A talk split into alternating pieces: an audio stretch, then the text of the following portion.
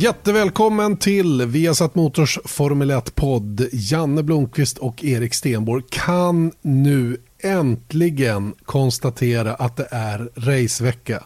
Tänk så lång tid det har dröjt innan vi kunde säga det. Men innan vi kommer till det så är det ju en himla massa andra saker som pågår just nu runt om i hela världen. Ni känner alla till det.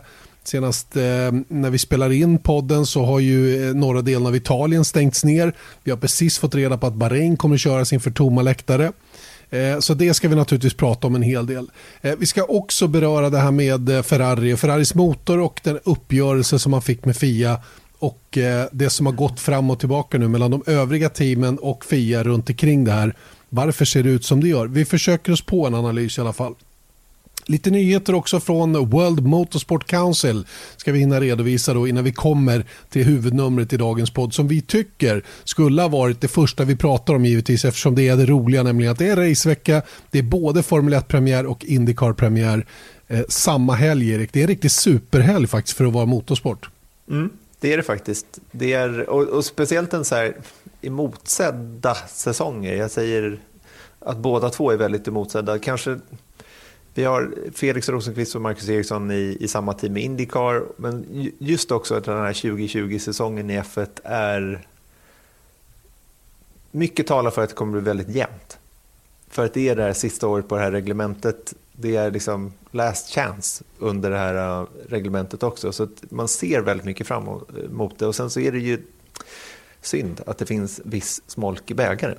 Om man säger. Det, skulle man definitivt kunna säga. Och det, det känns verkligen i magen att det här ligger och, och stör. Och, och, det är ju ett jätteproblem över hela jordklotet och, och egentligen borde vi lägga all sport bara åt sidan och inte fokusera på det överhuvudtaget. Va? Men så enkelt och komplicerat är ju inte världen. Eh, det är ju massor med hänsyn att ta i, åt alla håll och kanter. Jag menar näringskedjorna i, i de som sköter de olika idrottsevenemangen är ju långa och det är många människor som blir drabbade i alla hänseenden på grund av det här viruset som, som fortsätter att bre ut sig då och som har ställt till det väldeliga i Italien. För det är ju det senaste egentligen. Mm, exakt, hela Lombardiet är nedstängt egentligen i karantän, eller vad ska man kalla det? Det är inte liksom... Jag vet faktiskt inte exakt hur den här nedstängningen, så att säga, om man nu ska kalla det det, fungerar. Men jag vet ju hur det var. Jag var i eh, Italien när de här röd, utbrottet kom. Eh, och de här röda zonerna och sånt där. Och då, då blev det ju väldigt... Eh, ja, det var ju oroligt om man säger mm. så. Och nu mm. har det kommit då till ett hel, en hel region i Italien. Ja. Jag är dåligt påläst på hur de håller folk hemma. Det är väl egentligen bara att det har gått ut eh, eh, instruktioner för hur folk ska uppföra sig runt omkring det här. Det är väl inte så att det går runt militär och, och det är undantagstillstånd och utegångsförbud och hela den grejen. Men, men eh, visst är det en allvarlig situation och, och, ett allvarligt medel som man har tagit till för att hålla folk på plats i den norra delen och det sprider sig ju fortfarande ganska snabbt det här viruset i det här området. Då. Och det här får ju påverkan då på Formel 1 givetvis. Vi vet att både ja, Maranello då, där Ferrari har sitt högkvarter ligger i den här kroken. Eh, Faenza där eh, Alfa Tauri eh, före för detta Toro Rosso då, eh, håller till. Ligger inte riktigt in i den här zonen men nästintill. till Eh, strax utanför Bologna. Och eh, jag menar, eh, jag vet inte hur många frågor jag fått om hur det här påverkar Ferrari. Klarar de att köra? Kommer det att gå att genomföra racen här i början? Och det är ju svårt för oss att svara på, men jag vet att du har, du har försökt ta reda på hur det ligger till. Ja, precis som alla andra egentligen. Det är, det är en sån där fråga, så här, ska vi åka eller ska vi inte åka? Men jag tror att de här första två racen kommer ju bli av. Eh, av allt att döma i alla fall. Men sen så har det kommit då en, en, eh, ett statement från Ferrari som jag faktiskt fick via Scott Mitchell, eh, journalist på The Race då. Och, eh, poängen är att i Alfa Tauri, personalen, majoriteten där åkte tidigt just för, av den här anledningen.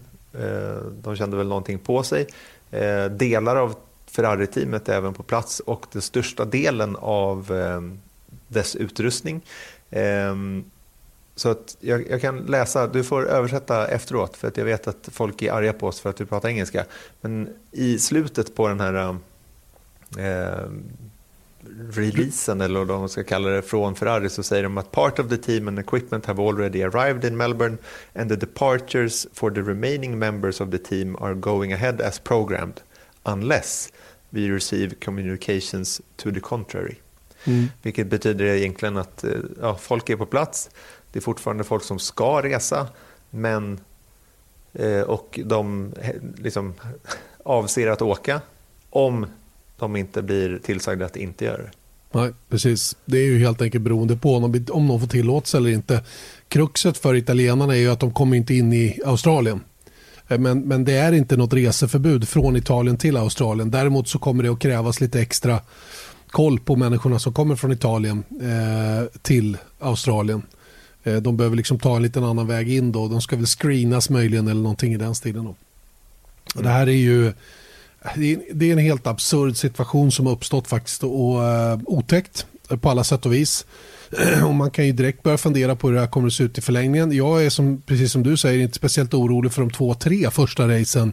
Jag tror att även Vietnam skulle kunna gå igenom för utan, utan några större problem eh, logistiskt. Men sen börjar det knaka i fogarna. Alltså för sen vill ju folk hem. Mm. I synnerhet eftersom vi inte har något kinesiskt Grand Prix att åka till efter Vietnam. Eh, i, i, runda, i runda slängar i samma område. Och då, då blir det ju väldigt intressant att se hur, vad, vad vidtar man för åtgärder då? Vad skickar man folk? Eh, kan man skicka folk? Hur länge kommer den här så kallade lockdownen av norra Italien att, att finnas kvar? Det är ju så oerhört många frågetecken fortfarande som, som måste rätas ut innan man ens kan ge sig in på och fundera på de här frågorna. Men går det för lång tid då blir det problem för Formel 1 att, att ens kunna genomföra helgerna från, från sitt håll så att säga. Då. Ja, bara säga en sån här grej att folk har, alltså raceteamet, även om de är mellan 70 och 100 pers som ska ut på racen och då kan cirkulera, de kan ju stanna, eh, det var redan planerat att de skulle stanna ute mellan Australien och eh, Bahrain.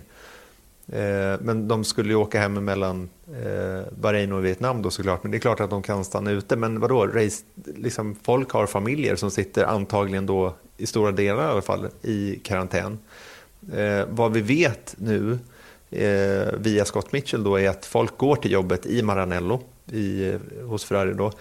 Men det är problematiskt då med leverantörer och folk som behöver besöka fabriken i Maranello och kan inte komma dit. Då. Så att, jag menar, viss tillverkning av delar och, och liksom, eh, uppdatering och allting sånt där. Man kan skicka grejer fortfarande eh, utan problem. Då. Eh, det, det, handlar om personer som sprider smittan, inte om grejer. Liksom. Mm. Eh, så det är klart att det kan funka ett tag, men jag menar, de kan ju inte bara bli nomader och komma tillbaka i november. Det, det, det funkar liksom inte.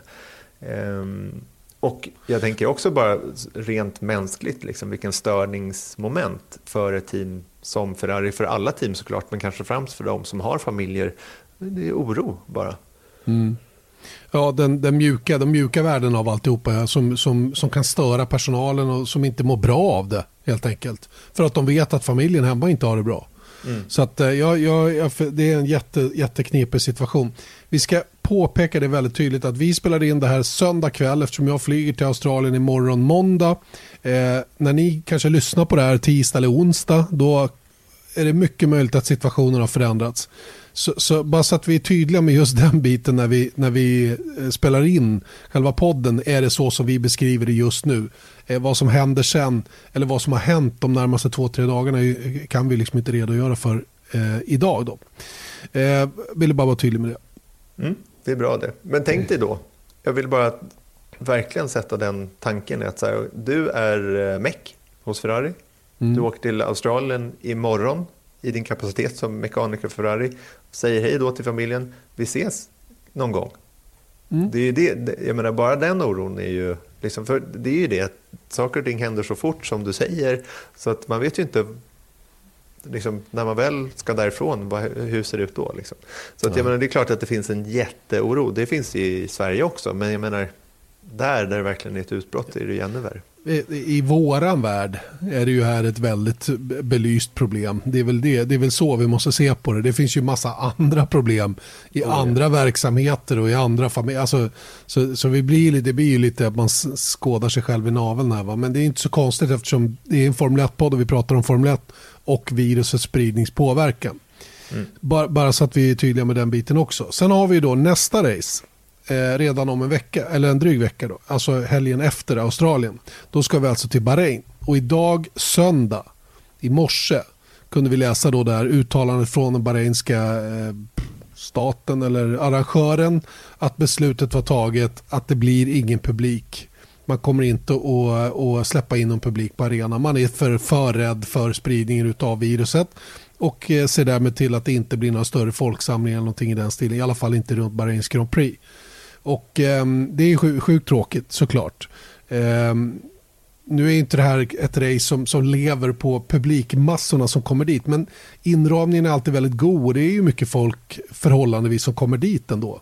Mm. Och det här gäller ju då för inte journalister och inte teamen. Så att alla med någon form av akkreditering. Alla någon form av akkreditering har tillåtits att komma dit. Ja.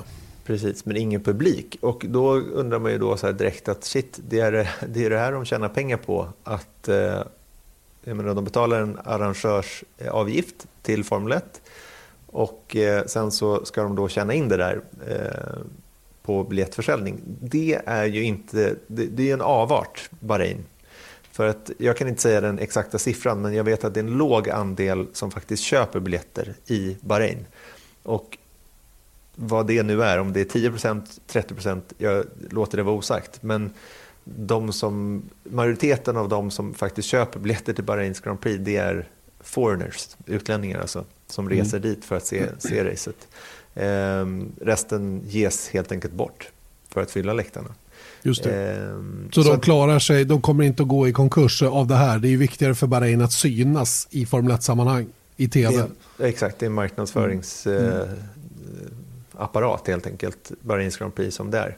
Men hur ser det ut då framåt då? Och Hanoi i Vietnam då, eh, hävdar bestämt att de ska köra racet där. Kina är redan borta som vi vet.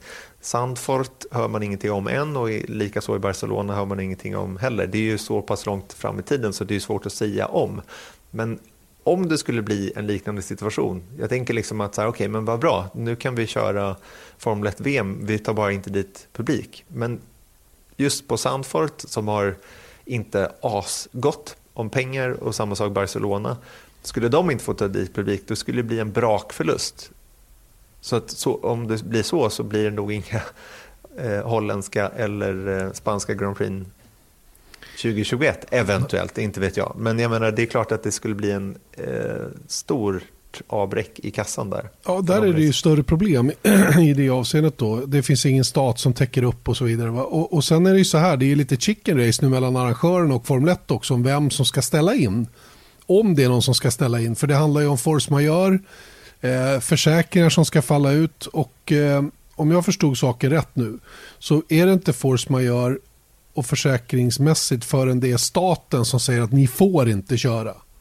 Mm. Låt säga att den holländska regeringen säger att nej, enough is enough. Det blir inget, det blir inget Nederländernas Grand Prix på Sandfort för att det är för farligt. Eller vad det nu, vad, hur de nu formulerar sig. Då faller försäkringarna ut som arrangören har, om jag har förstått mm. saken rätt. Eh, eh bestämmer de sig själva för att det är, de, de liksom kan inte genomföra det om de inte får ta dit publik. Då är det en annan historia. Mm. Så, så att och, troligen samma läge då i, i Barcelona. Va? Och, eh, det är det här som gör det ännu mer komplicerat och det är precis som vi började med att säga. Den här näringslivskedjan runt ett Formel 1-race den är så oändligt lång. Mm. Det är så oerhört mycket som måste täckas in i det här. Va? Så att det är jättestora ekonomiska risker för racen som kommer i, i, i någorlunda närtid. Ja. Och då är det ju precis som du säger då, Barcelona och Sandfort som ligger närmast till hands. Då. De, de håller nog väldigt noga koll på utvecklingen just nu och jag vet att resebolagen har det ju supersvårt att sälja resor till de här racen mm. eh, för närvarande eftersom läget är som det är. Folk mm. dyker inte upp till sina flygplan, alltså, då är det no-shows på resorna. Mm. Det, det och då är det alltså resor som man inte får en krona tillbaka på bara för att man, man åker inte helt enkelt. För man vill mm. inte ta risken. Nej, jag, jag känner igen det där. Jag åkte hem tidigare från Italien när, när det där vi åkte hem som avlöningar för att vi var rädda för det och det var eh, länge sedan nu. Det var ju nästan två veckor sedan då. Men, men oavsett, så jag, jag känner igen känslan så att säga. Mm, mm. Eh, ja. Men, det, men det, poängen här är ju att vi, vi, kan inte säga någonting. Alltså, vi sitter inte på mer kunskap just för att ingen vet var det här kommer ta vägen. Man får bara hoppas att, att det börjar eh, tappa fart så fort som möjligt. På ett, person, på ett personligt plan så kan jag bara tycka att mängden information som kommer ut ifrån alla olika källor mm. är lite störande stor. Man skulle vilja ha i ett sånt här läge, en sån här krissituation som det ändå är, oavsett land egentligen, så vill man ju ha någon form av central enhet där informationen till invånarna kommer. Mm. Man vill inte ha något, något liksom, eh, man vill inte att eh, det ska ligga i redaktörernas hand på tv och, och, och tidningarnas redaktioner om att hitta nya vinklar runt omkring det här hela tiden. Jag vill ha den korrekta informationen bara. Allt annat vill man ju liksom sila bort. Och då kommer man till ett läge där jag själv måste sitta och värdera nyhetsoutlets, vilka är det som har korrekt information? Då är det naturligtvis lätt att, att, att, tycka att public service är den som man i första hand, det är ju, det är ju vårat så att säga. Och de ska ju vara oberoende och sköta det här på ett bra sätt. Men jag tycker man får olika upp, uppgifter därifrån också. Du är, alltså, du är alltså emot pressfrihet? Inte alls, inte på något sätt. Men det här är en extraordinär situation. Och, och eh, den extraordinära situationen kräver extraordinära åtgärder. Selling a little or a lot? Shopify helps you do your thing however you cha-ching. Shopify is the global commerce platform that helps you sell at every stage of your business. From the launch your online shop stage to the first real life store stage, all the way to the did we just hit a million orders stage. Shopify is there to help you grow. Shopify helps you turn browsers into buyers with the internet's best converting checkout. 36% better on average compared to other leading commerce platforms because businesses that grow grow with Shopify. Get a $1 per month trial period at shopify.com/work. shopify.com/work. Som inte jag riktigt känner att jag har sett ännu, åtminstone inte i Sverige. Sen får man ju se vad, vad som händer framöver. Det kanske inte är behov av det ännu. Men där kommer vi tillbaka till att jag vet, hur ska jag kunna veta? Är det, är det total katastrofkris eller är det inte? Jag har ju varit i London för inte så länge sedan, jag var i USA för inte så länge sedan.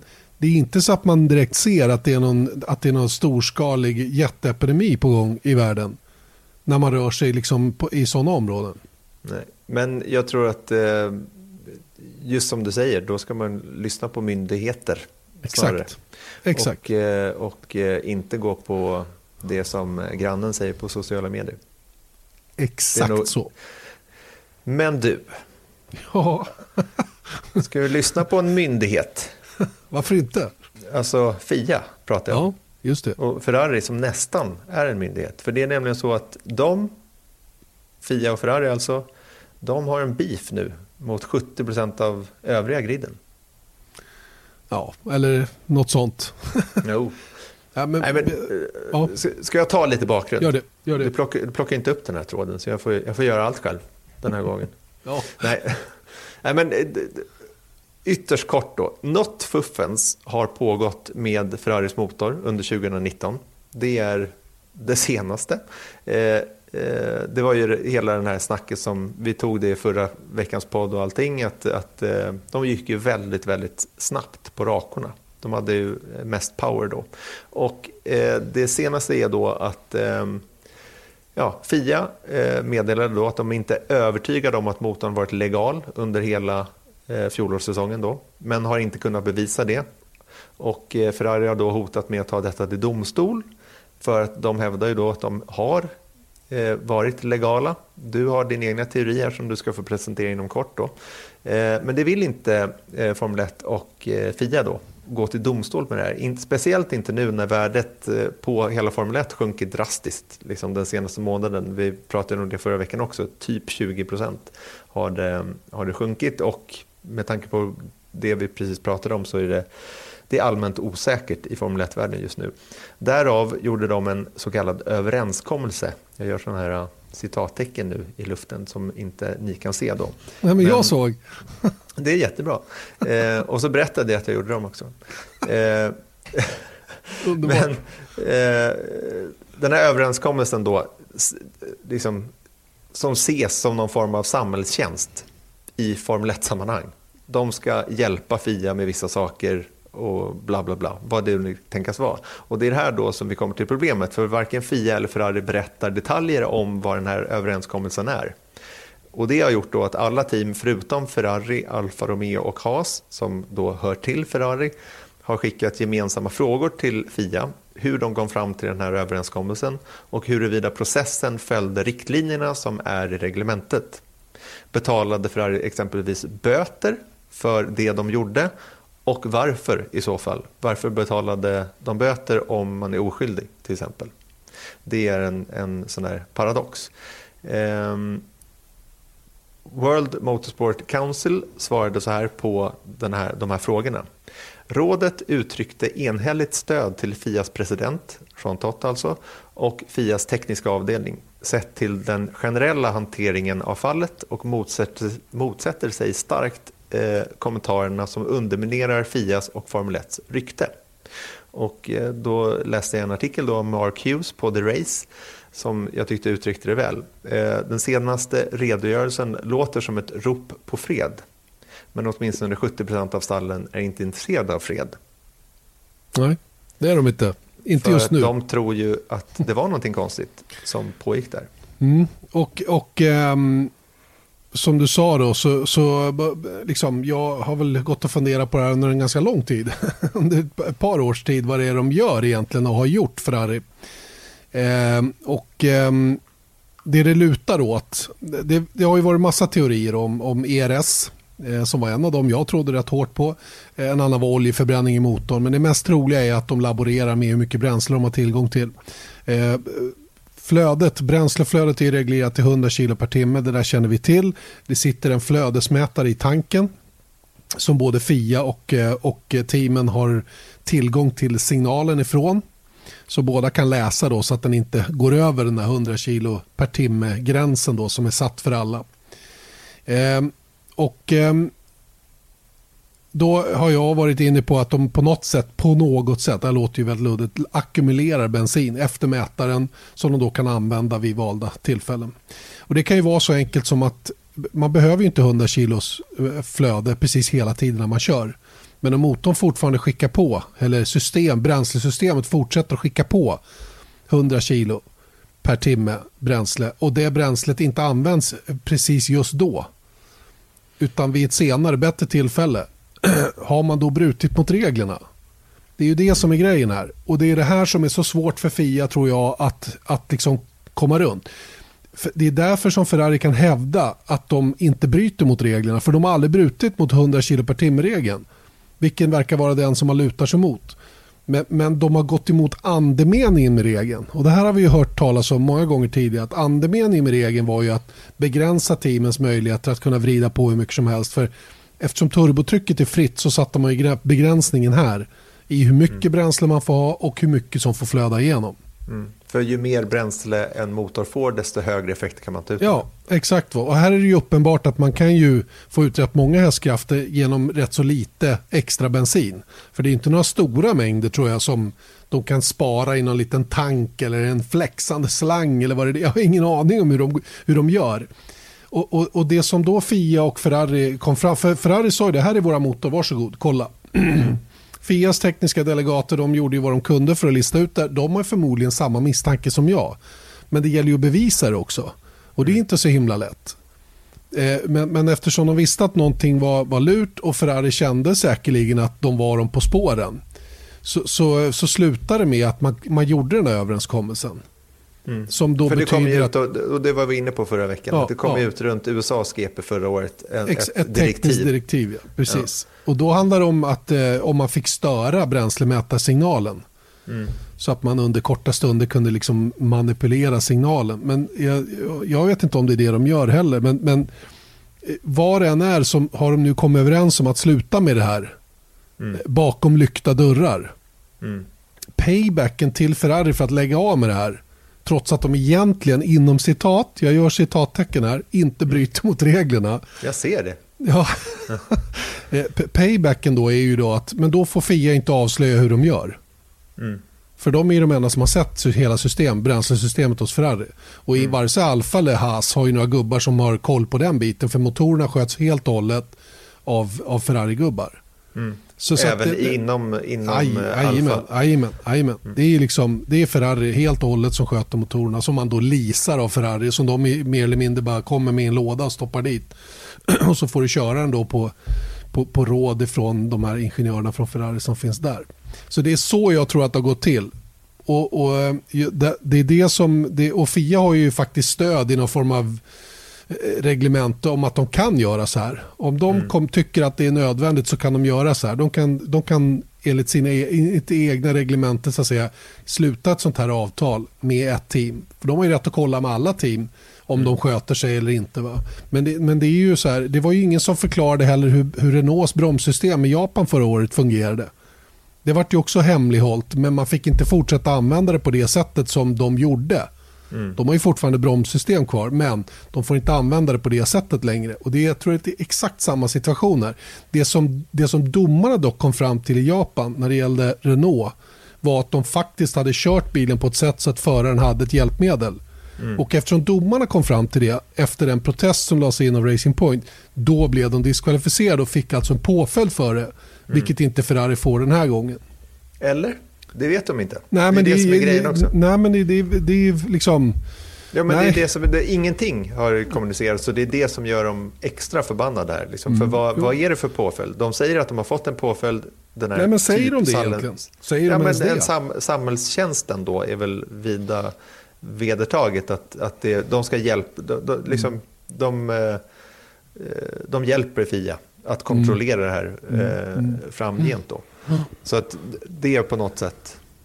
Liksom. Det, är, det är sjukt lurigt i alla fall. Och mm. eh, ni förstår ju själva nu att det, det går att fixa med de här motorerna utan att någon märker det. Mm. Det är inte så svårt om man har, om man har eh, verktygen för det. Det vill säga ett smart system som Ferrari verkar ha. Mm. Mm. Vi får se vad som händer där. Jag tror att eh, de andra, alltså Ferrari har ju lite, jag tror inte att det är så många andra team som älskar Ferrari i depån. För att de känner att de är eh, det, förfördelade. Inte på det sättet i alla fall. Nej, och jag tror inte det har blivit bättre, som sagt, av det här. Vi har satt Motors Formel 1-podd. Ungefär halvvägs in, är vi det? Ja, det skulle jag tänka mig. Och eh, vi kör vidare. Vi har pratat om Ferrari, Fia och de övriga teamens eh, lilla quarrel de har. De grälar. Det finns inte så mycket att tillägga där tycker jag nu. Utan eh, vi kör på. Eh, och ehm, kommer in på det som bestämdes vid World, World Motorsport Council här i veckan. Det är ju mm. en, en sån här, ett beslutande organ som de har då med regeländringar som ska gås igenom hela den biten. Det finns representanter från alla håll och kanter i det här rådet då som, som uh, har gått igenom. Och för 2020, Erik, vad händer? Ja, det är faktiskt två jättestora förändringar där. Eh, bilarna blir nämligen ett kilo tyngre nu. Så att eh, minimivikten är 746 kilo och det här eh, beror på att de har tillfört nya sensorer för att övervaka motorerna, apropå det vi en, pratade om tidigare. En extra bränsleflödesmätare som bara FIA har tillgång till. Exakt. Till exempel. Och, den väger ett kilo sägs det. Den väger ett kilo, så därför har de höjt minimivikten med ett kilo. Eh, och till Fettels jättestora glädje, gissar jag, inga restriktioner på hjälmdesigner längre. Fast, fast han vinner ju inte längre så det spelar ingen roll. Han bytte ju bara igen varje gång han vann var det inte så? Vi får väl se. Vi får väl se. Han har nog kanske. några designer redo. Men jag tror också att han kanske blir lite äldre och han är inte så Red Bullig längre. Nej. Så att, jag vet inte hur han kommer eh, byta hjälmdesign. Ja, men tidigare så, alltså de senaste åren, jag kan inte säga om det var två eller tre senaste åren, så har de då eh, fått, eh, det har stått i reglementet faktiskt att de inte får mm. ändra hjälmdesign mer än två gånger mm. eh, per säsong. Då. Och den får fortfarande inte sticka iväg för långt va? Får det inte så? Även de här små ändringarna de gjorde. Eh, jo, det tror jag. Alltså, ah, okay. De får göra ändringar i designen men då måste det vara liksom till mestadels eh, samma färger. Alltså, du vet, mm, det har varit ja. godtyckligt. Liksom. Och då har det varit vissa, någon, jag tror Kviat inte fick använda en hjälm medan Fettel typ fick använda en hjälm. Så det, vet, det... vet, du vad de, vet du vad det hängde på? Kviat frågade ju om lov. Han hade ju gjort det två gånger och så ville han göra det en gång till i Ryssland så fick han nobben. Mm. Men det han skulle ha gjort, vilket många andra har gjort, det var att inte fråga. De bara använde den. Det är, ingen, mm. det är inte någon stor fråga. Nej. Men om man frågar så är det klart att de tittar i böckerna. Så, ja, två gånger, nej tyvärr. Mm. Så att det var väl det som var grejen. Mm. Så det, det var en stor... Ja, men alltså, skönt att de har rätt ut tidigt, så här sent inför premiären, att de kan våga ta ett sånt här beslut. Underbart Det- att de har rätt ut det. Jag känner att jag kan sova gott i natt nu. Mm. Men lite viktigare grej då, eller lite, något större i alla fall. Sen så känns ju det lite liksom, eh, långt fram ändå kanske. Men till 2021 så har de gjort en del förändringar också. Eller hur? Just det, förändringar på framvingen till exempel då, för man hade noterat att den, eh, eh ja, i simulationen som man gör då, att man hade fått så kallad downwash längs med bilen då, som, som skulle störa det man söker från det nya reglementet, nämligen den här ground effect eller markeffekten då. Eh, eh, och att bilarna då av den anledningen skulle kunna vara lättare att följa varandra. Och det här det här eh, var man snabba med att eh, framföra förändringar på. Så det kommer att se lite annorlunda ut hur man måste bygga framvingen för att förhindra just den här saken. Man modifierar M-plattorna på vingarna och även på karosseriet i övrigt för att få större kommersiell yta. Viktigt är också att sponsorerna syns ordentligt. Man gör förbättringar på- på chassit sett till energiabsorbering, det är alltså säkerhet. Eh, De byggs ju numera bilarna för att mer eller mindre pulveris- pulveriseras. Heter det så? Nej, Först ska den vara rigid och vara en stark konstruktion givetvis. Men utstickande delar de ska ju liksom absorbera energi också. Då. Det är väl det där man, man eh, kollar på då ytterligare. Eh, man har också eh, gjort vissa förbättringar då, sett till den elektriska spänningen i bilen. Då. Det är ju fortfarande väldigt, väldigt farligt om bilen är strömförande. Man kan få sig en duktig kyss. Nu har vi dessbättre inte sett det. det är väl senast var väl 2014 när de, när de förberedde sig för den säsongen som, det, som det hände lite grejer. Och sen så är det lite extra tillägg av teethers, det vill säga vajrar då som, som idag förankrar hjulen till chassit så att inte de flyger iväg om de skulle slås loss ifrån bilen. Eh, nu vill man ha vajrar även till bakvingen och till själva påkörningsskyddet i bak då, den här utstickande grejen som lampan sitter på i bak. Bland annat den lampan. Då. Så att det, den kommer inte heller att kunna dra iväg åt något håll då, om, om bilen skulle dela på sig. Mm. Och till sist då en del detaljer om den finansiella, det finansiella reglementet till 2021, alltså kostnadstaket och hur det ska kontrolleras. För det har varit en stor fråga, liksom att okej, okay, vi kan sätta ett kostnadstak på hur mycket som helst, men det spelar ingen roll för att hur ska man kontrollera det här? Och då eh, har det då, det kommer komma så här kostnadstakadministratörer som när som helst ska kunna gå in i teamens system då och övervaka stallens finanser på något vis. Då. De, de kommer säkert att vara jättepopulära de killarna. Ja, det- revisorerna revisorerna absolut. kommer med allvarlig, allvarlig uppsyn och, och ser ut som den här, vad heter de, internutredarna på polisen som man ser. När de, när de dyker upp på, på, på kontoret där, då är, det, då är alla arga. Mm, då är, ja. Men, men jag tror att de Alltså, mindre teamen te- har nog inga problem. Ja. Nej, tror, nej. För de når ändå inte upp dit, så de kan få vara där hur mycket De, helst. de, exakt, de behöver bara fokusera på tre team. Ja, exakt. Så Spartid. eh, det är ganska lugnt. Där. Ja. All right, det där eh, får vi återkomma till såklart eftersom det är 2021-grejer. va. Men det är bra att de tar, tar upp de här och är på bollen, framförallt när det gäller aerodynamiken där så att inte det, det skenar iväg åt fel håll redan innan det har börjat så att säga. Mm. Men du, nu jävlar vill jag prata om lite racing här. Underbart, äntligen. Det tog 32 minuter och 40 sekunder innan. Mm. Det är skamligt. Jävla virus. Ja, exakt. Jävla Fia och... Nej, de, de Ja, kämpar på. Men viruset är jag tjurig på. Alltså, det där tyckte jag var onödigt. Be- Mm. Världen behövde inte det. Men gå inte dit igen nu då. Nej, förlåt. Nej. Fortsätt. Australien. 58, Yes. 58 varv ska köras runt den 5,3 kilometer långa Albert Park-banan på söndag. På söndag. Det är bara Ja. en vecka. Det är helt sjukt ju. Och det är första racet det här årtiondet och starten av den 70 säsongen i F1. Det är kul. Det är helt stört roligt. 25 GP man kör i Melbourne dessutom. Eh, och ingen australiensare har någonsin slutat på pallen i sitt hemmarace. Det var nära, men det blev inte så. Om ni kommer ihåg. Da, Danny Ricciardo var ju på pallen, men då, då var det bränsleflödesmätaren de hade överskridit gränsen med. Och han blev Exakt. diskvalificerad. Det var ju Kevin Magnussens första pallplats. Och eh, det var ju hans debutrace. Bästa resultat är alltså en fjärde plats då för Webber 2012 och Ricciardo då 2016. Eh, som alltså var tvåa då 14 men som alltså dis- diskades för den här eh, överträdelsen av fuel flow. Right on. Och vad tror vi om Ricciardos chanser att stoppa det här, äh, ja, vad ska man säga, rekordet med, utan pallplatser? Små. Mycket små. Mycket små. Jag har ju återigen då rankat Renault som fjärde, fjärde team. Jag har fått lite skit för det. Eller inte skit, men en del undrar varför. och det undrar jag också. Jag också. Men, eh, ja, men grejen är att och även om jag hade satt Racing Point eller McLaren där så hade jag gjort det på lika lösa grunder. Förstår du? Det, är, Mm. det går inte att säga. Vi har, jag har, det finns inte underlag för att tycka att någon av dem egentligen är fyra, femma och sexa. Du, du, du var tvungen att ta ett beslut och då står du för det. Ja, ja, men alltså i, magen. magen. Mm.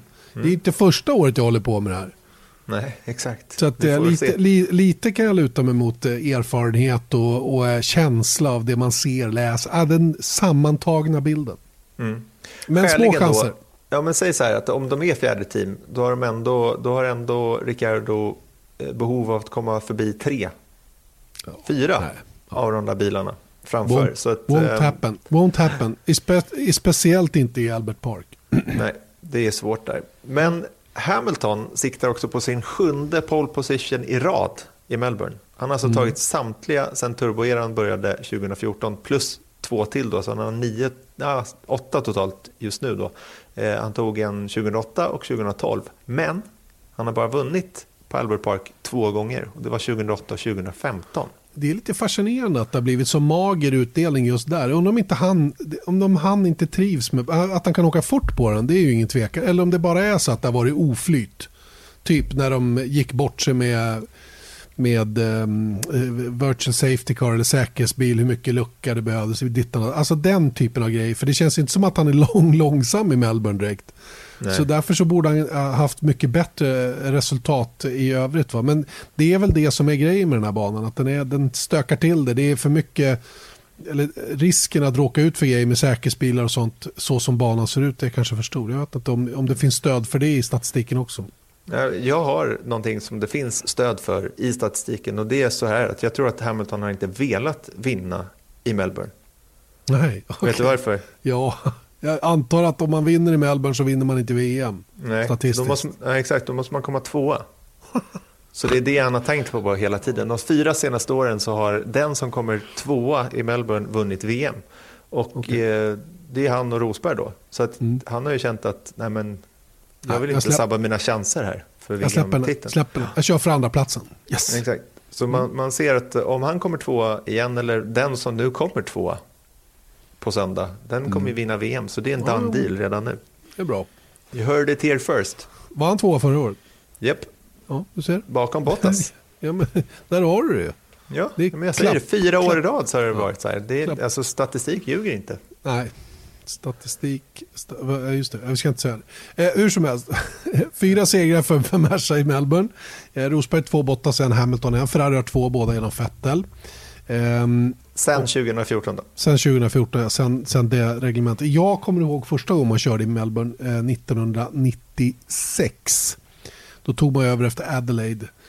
Eh, och, eh, ja, men det, var, det var speciellt. Adelaide var ju också en, en cool bana på många sätt. Men, men eh, det var ändå ett, det var en, en ny start när man flyttade över till, till Albert Park. Jag såg ett annat klipp häromdagen när, när supercarförarna förklarar lite grann om hur det är att köra på Albert Park. Och, och de tycker att det är som att åka på ett dansgolv. Mm. Förarna i Formel 1 de klagar över att det är ojämnt och det är, det är för mycket kurvor och hej och hittan och dittan. De tycker bara de, de tycker de har kommit ut på en nyspolad isbana liksom och bara perfekt allting. Mm.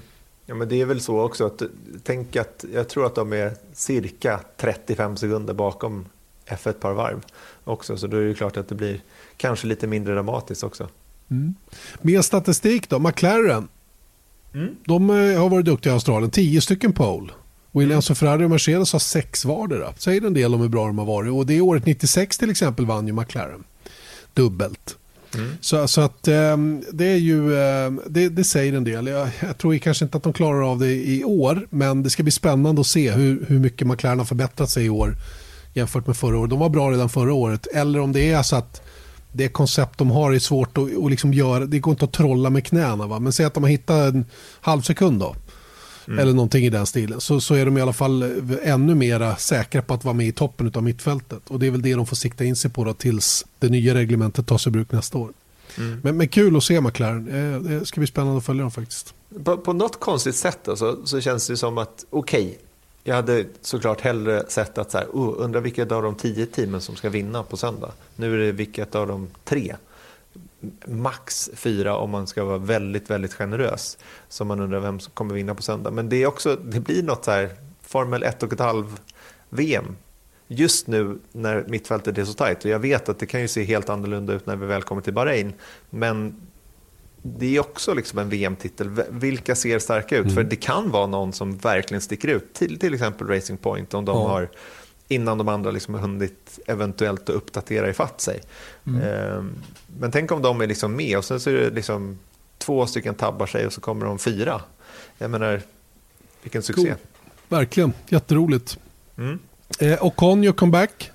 Tävlade yep. senast i Abu Dhabi 2018, har inte kört ett enda race sedan dess. Eh, senaste han sa var att eh, Mercedes är bättre på allt jämfört med Renault. Mm. Jaha, wow. ja. Vilken, Vilken skräll. Jag hade ingen aning.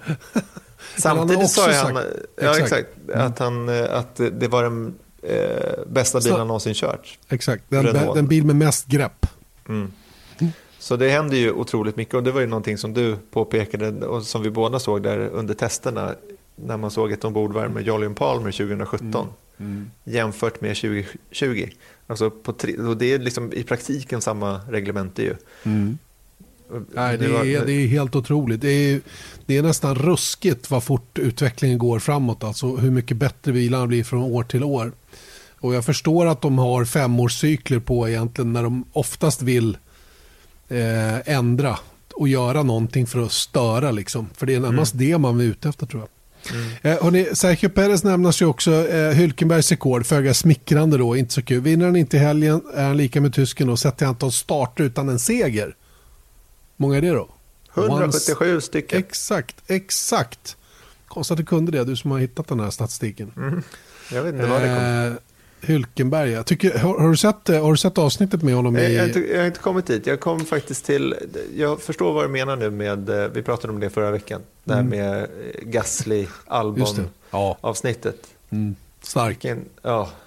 Och Hubert, såklart. Mm. Då. Verkligen. Ehm, men... Men, sen, men sen kommer du till Hylkenberg, du, och eh, han är ju en svår person. Alltså, han har ju så han verkar du gillar låg... honom inte honom längre? Nej, men han, jo, jo, jo. Vi, men det roliga är att han har så låg självkänsla. Han har så svårt att, han har svårt att släppa ner garden. Mm. Jag förstår ju allt mer nu och efter den gången när vi blev kompisar igen, nu när jag gör citattecken här igen. Mm. Vi blev ju det i, i, i loungen i Kanada, när vi gick armkrok nästan ombord på flygplanet efteråt. Mm. Efter våra intermesson sen tidigare så förstår jag att han, han liksom, då kunde han släppa ner händerna. Mm slappna av lite. Jag var ingen... Jag var ingen var ingen dansk? Vill, jag ville inte honom något illa. Nej men jag vet inte, han verkar, han verkar otrolig. Och jag tycker han har lite tråkig attityd även i Netflix-filmen. Han försöker vara någonting som man kanske inte riktigt är. Det är mm. synd tycker jag, för det är en bra gubbe. Jag är helt säker på det. Jag, jag är mm. helt säker på det. Men det kommer liksom inte fram riktigt. Hur Nej. som helst, han ska inte men, köra. Exakt, men det ska ju Ocon. Och jag vill komma tillbaka till det. Jag undrar det är ju så konstigt med motorsport, alltså, hur lite de kör. Jag tänker på Indycar, vi kommer till Indycar snart. Mm. Men de har alltså fått två testdagar. För en eftersom, och en halv? Ja, en och en halv i, i stort sett. Då. Eh, Marcus och Felix inför säsongen. De har inte kört på ett halvår. Jag menar, ja. deras säsong tog slut i, i september. Det är så sjukt konstigt att mm. de inte får träna. Och då tänker jag på Ocon. Han har ju kört lite tester och hej och hå. Och eh, de har i alla fall fått tre dagar nu eh, inför säsongen. Men han har inte tävlat. Jag undrar liksom, hur känns det? Mm. Att helt plötsligt ska börja köra om folk igen. Liksom. Det, det måste vara något... Det är, ja, det är allra bäst att stå längst fram, då behöver man inte köra om någon. Nej, men jag tror inte han kan räkna med det. Troligen Jag ska fråga jag lovar. Mm, det är bra det. Mm. Vad var vi? Latifi. Nicolas Latifi, han Just debuterar, det. den enda rookien i startfältet. Och då kommer jag till en grej här som också har att göra med reglementet. Mm. Vet du vilket startnummer han har? Mitt tröjnummer i bandy. Nummer sex? Mm. Är det? Jajamän. Eller var det det? Jag, ja, jag, jag, jag pendlar lite mellan fem och sex. Okej. Okay. Halv sju. Ja, men, men, du spelar inte bandy idag? Fortfarande? Nej. Verkligen inte. Nej. Inte en minut. Nej. Nej. men han kör med nummer sex. Och eh, jag vet ju vem som hade sex tidigare. Det var Nico Rosberg. Han vann mm. VM och slutade då eh, i slutet, ja, efter säsongen 2016. Och det måste gå två år innan man får använda samma startnummer igen. Vet du vad, jag trodde det. faktiskt att man hade numren livet ut. Ja. Om jag ska vara mm. riktigt ärlig. Att det man tog, det fick ingen någonsin använda igen. Men då kanske tar slut på nummer förr eller senare. Ja, jag tror att det är lite sådär att vet i NHL Det finns ju 100 nummer du kan ha, eller 99 egentligen. Mm. Och eh, då, de kan inte liksom retire alla nummer. Men du måste Mm. gå två år. Har du inte kört på två år då har du rätt att eh, ta det. Och det är det som har skett nu. Och det tycker jag är lite kaxigt alltså. Mm. Jag skulle inte vilja ta en världsmästare. nu, det, fanns, det, fanns någon, eh, det fanns någon förklaring till det. Uh, fasen var det då? De har alltid så personliga relationer. Nej men det var, till- det var någonting som var rätt uppenbart varför han tog nummer sex. Det hade något med där han bor att göra tror jag. Ah, strunt samma. Ja, ja, ja. Ja, ja, Nej men, men jag hade valt ett annat nummer. ja. Nu Vilket? har jag ingen... Nej, ja. jag skulle ha 55. Nej, det det, där har ju Carol Sainz. Det går måste, inte. Mm. sånt här måste vara förberett Erik. Vilket nummer man kör med. Men jag har inte räknat med att komma till Formel 1. Jag har inte funderat på det. Men Har du någon 55, jag ville Är alltid ha 55 i, i, när jag spelade hockey. Mm. Men vi hade bara tröjnummer som gick upp till typ 22. Så jag hade nummer 21 som Foppa. Ja, du ser. Det finns en koppling till allt. Eh, lördagen den 14 mars på, och, på, ehm, eh, på området inte så roliga händelser. Eh, faktiskt årsdagen av Charlie Whitings bortgång. En mycket eh, konstig torsdag förra året i, eh, i Melbourne när vi nåddes av det här beskedet på förmiddagen att Charlie Whiting hade gått bort i en blodpropp. Och den, den var svår att ta in alltså. Den var väldigt, väldigt svår att ta in. Mycket omtyckt person, väldigt skicklig, otroligt hög kompetens. Mm, har betytt massor för Formel 1. Ett år sedan, helt sjukt egentligen att det har gått så snabbt. Mm. Mm. Och jag tänker liksom när turbulensen då liksom satte igång runt allt eh, vad en F1-säsong F1 då innebär. Så det var ändå... Jag kommer ihåg i Abu Dhabi när de körde det här cykelracet, Charlie Whiting Memorial Bike Race, så hade de eh, på fredagen tror jag att det var, eller torsdagen, så hade de ett, eh, ett minneslopp då för Charlie Whiting. Och då kommer jag ihåg att när jag, när jag fick första liksom, kommunikationen runt det, att jag bara va? Mm. Just det. För att det var liksom, man glömmer bort så mycket, men vilken stor grej det var under eh, premiärhelgen förra året. Det, det roliga är att den som har tagit över Michael Masi, han ger samma goda känsla runt omkring sig som Charlie Whiting gjorde. Oerhört lugna, eh, ehm, går inte igång, alltså eh, plockar inte ehm, laddade ord eller någonting sånt där. De är, de, de, ehm, de är fan födda diplomater alltså, skitduktiga. Jag blir så imponerad. Tänk att sitta där emellan alltihopa det här med de här hajarna som simmar runt och bara vill nypa dem hela tiden liksom och, och, och ja, lura eller försöka någonting. Liksom. Ta den här senaste historien. Det har inte varit någon lätt grej att komma fram till det de gjorde med Ferrari men det är ju så stora hänsyn som måste tas eh, i, i, i, i hela eh, the big picture på något sätt. Va? Så att, nej, det där är, sådana såna personer kan jag bli djupt imponerad av som har de där positionerna och som, och som gör jobbet så pass bra dessutom som både Charlie Whiting gjorde och jag tycker Michael Masi har gjort. Mm. Absolut. Och nu har vi pratat om massa stats och bakat in lite frågor inför premiären och allting sånt där. Men jag har två kvar. Och det är ju ganska viktiga frågor eh, som du ska försöka få svara på. Och det är, är Mercedes så starka som alla tror? Och är Ferrari så svaga som alla tror? Eh, det är lättare att svara på den andra frågan med, tydligt. Eh, för jag vet inte, hur, hur starka tror folk att Mercedes är? Jag tycker att Mercedes är en Mercedes. Så, så de är starka, men är de så starka som alla tror? Ja, det, det är de nog. Tror Ja, jag. De har, def- de har definitivt inte blivit sämre. Och de har jobbat på, eh, precis som de gjorde till fjolåret när de faktiskt gav bort lite straight line speed för att ha en bil då som klarade av långsammare delar på banan betydligt bättre. Eh, och i år har de ju lagt alla klutar till för att, att komma tillbaka till en, till en snabb bil i övrigt också då med lite snillrika lösningar. Mercedes har inte legat på latsidan under vintern. De kommer bli oerhört svåra att slå.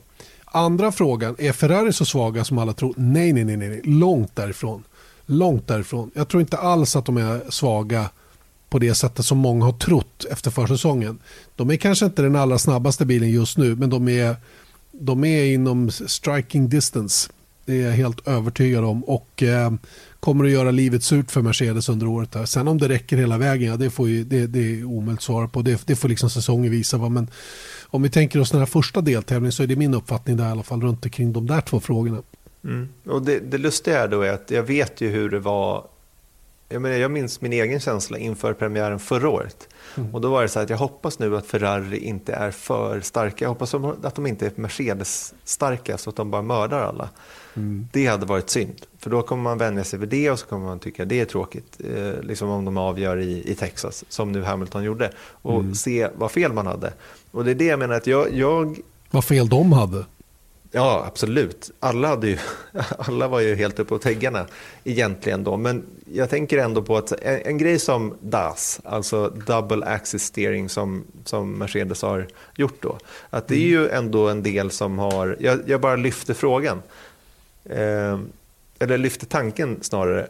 I att det är en sån här snillrik grej som ser väldigt så här, wow jag menar, vilket genomslag det, den eh, uppfinningen fick då när man helt plötsligt såg eh, Hamilton dra i ratten och vinkla hjulen. Liksom. Mm, mm. Eh, och jag menar, det är ingen fr fråga om, om det var snillrikt eller ej, men det finns ju folk inom depån då som har sagt att så här, ja, men vi har ju funderat på det där också, men vi tror inte att det är eh, liksom värt mödan. För så stort det inte är, så stor grej är det inte. Så att jag undrar lite så också att man förväntar sig så mycket av Mercedes. Och sen så när de kommer med en så himla, liksom, vad ska man säga, eh, det, det, det, inte tydlig, utan det är någon sån här väldigt så här okulär mm. grej som man kan ta på. Man ser att någon mm. drar i mm. ratten och vinklar hjulen. Det, det är liksom, jag undrar om man inte blir lite förvirrad av det också. Det är man klart blir... man blir. För vi människor, vi behöver, precis, vi behöver beviset. Mm. Den bakre hjulupphängningen som också enligt uppgift är väldigt, väldigt avancerad och bra har vi inte ens funderat över. För det är ingen fotograf som... Det är klart att de försöker ta lite bilder men det, det når oss inte på samma sätt som de här tv-bilderna. fick ett enormt genomslag. De, skitbra grafik och det var supertydligt på alla sätt och vis. Men förmodligen så är, är bakhjulupphängningen viktigare för bilens totala prestanda än det här att de kan dra ratten fram och tillbaka och ändra, kam, äh, ändra towvinkeln mm. Eh, under kortare stunder i racet för att hålla liv i däcken ett eller två varv extra. Så att, så att, eh, men jag, jag förstår vad du menar. Det är precis det där. Det är, det är, det visuella vi söker. Vi behöver ett tydligt bevis.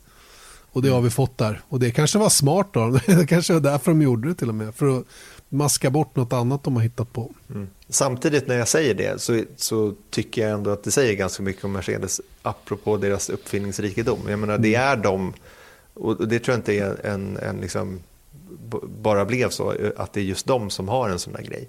Eh, jag menar, de har kapaciteten och brainpowern att ta fram en sån grej. Eh, och det säger någonting, tror jag.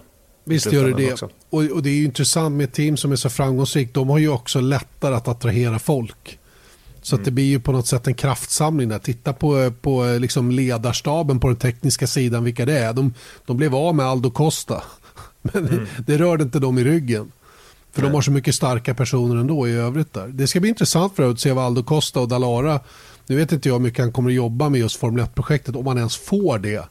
Sett till vad han har haft för jobb innan.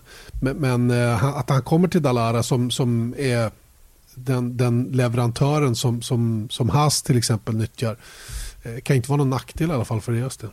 Nej. Så var det med den saken, Just tycker det. jag. Ska ja. vi säga lite sändningstider? Det kommer ju upp eh, en sån här på Viasat Motors, eller ja, Viaplay Motor heter de nu på Instagram och på Facebook. Eh, på, Våran på pränt, också. så att säga. Ja, exakt. Eh, Poddens feja. Sändningstider då. Men mm. vi tar dem eh, muntligen ändå. Eh, Stackars er, Stackars er säger jag. Träning 1, natten mot fredag, 01.55. FP2, fredag morgon då 05.55. Har man barn som jag har så kan man mm. klara det där.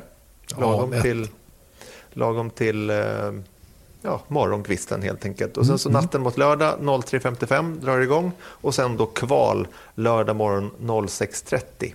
Mm. Då kör vi en halvtimme innan kvalet sätter igång och sen så race då söndag morgon 05.15 drar vi igång sändningen då. Eh, men blir ni lite rädda av det här så kan ni ju tänka på att Viaplay har den här 48 timmars catch-up eh. Så det är bara att eh, vakna när ni vill, öppna ögonen, sträcker efter telefonen eller paddan och sen så tryck på play bara. Så Mm. kan ni kolla på det då istället. Det är roligt att du säger telefonen eller paddan. Det har de sagt på Vinterstudion nu alla dagar. Så, ja, men, eh, då säger de så här, ja, i SVT1 och SVT2 där sänder vi det. det. Men, kan, men om ni vill så kan ni ta fram er padda och kolla på play. Jag Mm. fan inte kollat en sekund på play i min padda den här helgen. Det kollar man ju på tvn också. Ja, men det är väl du det? Nej, det gör alla. Mm. Nej, Men du, innan vi tappar intresset totalt här nu, när vi börjar prata om SVT Plays paddor och sådana Mm. saker. Då vill jag prata om Indycar-premiären, för du må åka till Melbourne, det är inte fy skam, imorgon bitti, men på söndag morgon så åker jag till Florida. Gör du? Ja. Visst, visste du inte om det? Nej. Gud Gjorde vad avundsjuk jag blev nu. Du visste inte om det? jo, det tror jag. Jag har nog Ja. hört det. Men jag har väl förmodligen haft någon outwash. exakt. Du har Downwash. exakt. Downwash under din framvinge, så det är ju inte allt för Jag att har- vara för din ground mitt effect. underrede tar i marken. Exakt. Nej, men eh, det ska köras på Streets of St. Petersburg, en 2,9 kilometer lång stadsbana, cirka 30 minuter söder om Tampa. Eh, Start och mål över land, start och landningsbanan på Albert Whitted Airport. Mm. Topp tre 2019, eh, alltså förra året, var Joseph Newgarden som även vann eh, mästerskapet, Scott Dixon, Marcus Felix teamkompis och Will Power som tog pole position eh, på lördagen där. Och eh, så kan vi också uppdatera då att Rosenqvist eh, kvalade in sensationellt måste man säga på tredje plats. Ledde i 31 varv men slutade fyra. Tyvärr då, han var ju väldigt besviken över det. Jag var ganska nöjd måste jag säga att han kom fyra i premiär. Tyckte det var sjukt bra, Ja. måste jag säga.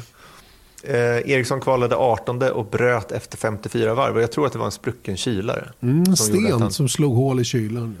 Ja, och, eh, Och men då var han på väg upp. Nej, ja, han låg, han och jag tror han låg 9, 8, 9 eller någonstans. Var på väg upp i fältet då. Hade ju en liten annan strategi där. Så att de var på G. Men eh, nu gick det inte. De, de Mm. Fick parkera tidigt. Exakt, och nu ska vi då äntligen få se vad Ganassi kan göra med sina tre bilar år. Och vad tror vi då om svenskarna? Vi måste prata om det. Det måste vi göra. Ja, vad tror jag? Jag tror att eh, båda lever under hög press. Som de måste hantera. Jag tror att den här pressen kommer av lite olika anledningar. Ehm, Marcus Eriksson måste leverera, det vet han. Eh, det, är, det, är, det är inga omsvep nu, utan det, han vet det till 100%. Han, han sitter, som han själv säger då, i intervjuer, för första gången sedan 2013 då, i en bil som faktiskt har potential att vinna. Då. Sen, sen är det ju kanske inte lika stor skillnad i Indycar eller GP2 som det var då 2013, som det har varit i Formel 1 såklart. Men, men det är skillnad. Eh, att åka för SPM och att åka för Ganassi. Det, det har jag fått bevis på redan. Och jag menar, det, det, det kommer att göra skillnad tror jag. Hoppas det i alla fall för Marcus del att det, att det kan lossna lite mer nu och att det kan få en bra start på säsongen. Den pressen kommer att bli jobbig att bära eh, och, och ta itu med. Men, men det måste nu ske, så är det bara. Det, det går inte att harva runt längre och liksom ha stötts ut. Och det är som Stenmark säger, ju mer jag tränar ju mer tur har jag. Så jag menar, det, nu får det liksom bli lite ordning och reda. När det gäller Felix Rosenqvist så tror jag att han eh, kommer att ha en annan typ av press som inte han är speciellt van vid. Eh, och har aldrig varit van vid egentligen. Han har levt med favoritskap tidigare. Men i år tror jag att många anser att han är favorit bland svenskarna. Ännu tydligare än förra året. Eh, han, eh, han ska försöka hantera det och nu vet han ju att de kör med exakt samma grejer också. Så att det, det kommer inte vara så himla lätt tror jag eh, att, att jobba med det. För att det, och det är inte så att han får den pressen från andra utan den, den lägger han på sig själv så att säga. Va? Nu är han en cool kille och, och kommer att hantera det på alla sätt. Och Sen är det också intressant med de här båda gossarna för båda har ju nu olika saker de behöver förbättra. Felix har att jobba med när det gäller ovalerna som är fem stycken till antalet under säsongen. Marcus Eriksson har sina kval eh, på, på, framför ro- road och street courses och det är i alla fall en 12, 11-12 stycken så, som han behöver få till och få ordning på för att det här ska kunna bli en någorlunda vettig, vettig säsong. Och, och det här gäller ju alltså för båda dem. Eh, och det tycker jag gör säsongen lite intressant också. Att det är, att det är sådana bitar som, som, som kommer att, och, um, vad ska jag säga, eh, kan komma att, att bli avgörande. Mm. Ja, men några saker just på den grejen. att jag menar, Visst, du kan vinna från trettonde plats eller vad det nu om man kvalar in där. Men då ska ju någonting... Det, det är all, du sätter ju dig själv i motvind. Och jag menar, du, han ska ju helst upp, Eriksson, alltså, på typ topp fem i kvalen och prenumerera på de platserna. Och det är ju jävligt tufft. För att jag menar, det, speciellt om man tittar på hur jobbigt han hade det med eh, fjolårets kval till exempel. Det är en grej. Så att, jag menar, det är en jätteutmaning för Eriksson att kvala bättre. Och sen så mm. tror jag att det kanske är något, liksom, förutsättningarna finns där för att han ska klara av det. Han blir väl liksom coachad på ett bättre sätt. Jag menar Hinchcliffe, han, han kvalade ju bättre än Eriksson men det var, var inte så här alltså att han var uppe på pool och eh, tog sådana placeringar heller. Men, eh, men vad gäller Rosenqvist då, att det är ju den här gamla dängan så att säga, att det är ju lätt att köra fort, men de där sista, sista tiondelarna, liksom, det, det är de som ska till också. Och han är ju på en så att säga högre nivå. Han är, kommer in som Rookie of the Year och han ska ju göra bättre i år. Så att, jag menar, utvecklingskurvan måste ju fortfarande vara brant, men mm. ju högre upp det kommer desto svårare ja, att, att få den där branta utvecklingskurvan. En bra poäng faktiskt för att allt, allt utifrån sig, inte Felix själv, men utifrån sett så kommer ju allt anses vara sämre än det han presterade under fjolåret. Det vill säga citattecken ett misslyckande. Mm. Ja, om, man gör, om man gör exakt lika bra ja. så att säga. Mm. Han kommer, vad blev han i mästerskapet? Sexa. I, sexa. sexa. Mm. Blir han sexa? Det, det, det är helt fantastiskt. Ja, egentligen. det är sjukt bra. Det är sjukt ja. bra. Och jag, kan bo, jag säger så här, kan, kan båda hålla sig stadigt och topp 10? Mm. Hela säsongen var topp 10 med, och liksom stadigt klättra sig gärna uppåt från tionde platsen uppåt så att säga. Men är man på övre halvan nu, redan från start och håller sig där hela säsongen, då tycker jag de har gjort det bra. Sen kommer det vara tillfälligheter och, och, och grejer som avgör om det går riktigt, riktigt bra eller om det blir en ganska bra eller om det blir så här okej okay, bra. Mm. Men, men ehm, jag tycker vi kan förvänta oss att båda ska vara med i Fast 12 alltid när det gäller Road och Streetcourse-kval och sen ett antal gånger i alla fall med till fas 6. Det, det, det känns, känns viktigt, åtminstone mm. i min värld. Får jag, får jag bara nämna några grejer till när det gäller amerikansk racing? Vi ska gratulera Rasmus Lind. Just det. Till platsen i Belardi. Heter de Belardi Racing? Jag tror det va? Uh, jag ska läsa innan till. Belardi Auto Racing heter de. Och det är samma team som, som Rosenqvist körde med Zach Veach. Tillsammans med Zach Veach då när han gjorde sitt inhopp i Indy Lights då för ett antal säsonger sedan. 2016 det är, tror jag att det var. Ja, det kanske till och med var. Och det är ju, det är ju jätte, jättekul att han till slut fick till det här då. Eh, att, att eh, ta en, en plats på, på Indy Lights-griden då. Så det är super, super roligt. Sen har vi faktiskt en svensk till, Lukas Petersson då, som ska åka i det som... Det som ehm, eh, det som 2000, va? Precis, Indy Pro 2000 tror jag det heter, nivån mm. under Lights. Eh, samma mästerskap då som, som eh, Rasmus körde förra året. Och sen har vi ytterligare en svensk, nämligen Viktor Andersson. Mm. Eh, Mattias Andersson, STCC Mattias Anderssons son. Som har du, kört i... Indycar Mattias Andersson. Exakt. Just det, han är kollega till mig från i år nu. Cool. Mm. Eh, Viktor ska köra i... Som expertkommentator alltså, nu måste vi just det, just dra det. hela, hela ja. historien. Så det, ja. det, är Janne och Robin Nilsson som kommer dela på kommentatorskapet och Rickard Göransson och Mattias Andersson kommer gå in som expertkommentatorer eh, och dela på den uppgiften. Just det, Mattias med förflutet bland annat i Indy Lights ska vi tillägga. Eh, och hans son då, Victor ska köra i US F4, alltså F4-mästerskapet i, i USA. Då, som inte åker ihop med Indycar, men som dyker upp på Kota när vi åker Formel 1. Va? Mm, I oktober. Mm. Just det, om vi kommer dit. Ja, men kom igen. Vi, vi hoppas Släpp på det. det där nu. Släpp ja. det där. Så är det. Så alla de här gubbarna, så det, det är liksom, och det, det intressanta är, tänk vad det gör att några gubbar kom, når hela vägen upp till Indycar och kör där. Vad, liksom suget ökar för att följa efter när man ser att det är möjligt. Och det är ju, det är ju faktiskt inte andra pengar där borta i, i USA. Så att även om Indy Lights långt ifrån är någon billig historia så är det ändå rätt så mycket pengar. Men jag tycker det är kul. Grattis Rasmus Lind till att börja med och Lukas Petersson och Viktor Andersson förutom Marcus och Felix. Ja, sändningstider för Indycar. Kvalet sänder vi live då 19.30 via Satt Motor, via Play och via Satt Sport Extra. Oh, tre eh, kanaler, stort, eh, lyxigt trippelkanal och sen så mm. race då 1940 på söndag eh, i Viasat Motor, Viaplay och Viasat Sport Extra. där också. Det. Ehm, och lite liksom, allmänna nyheter Mm.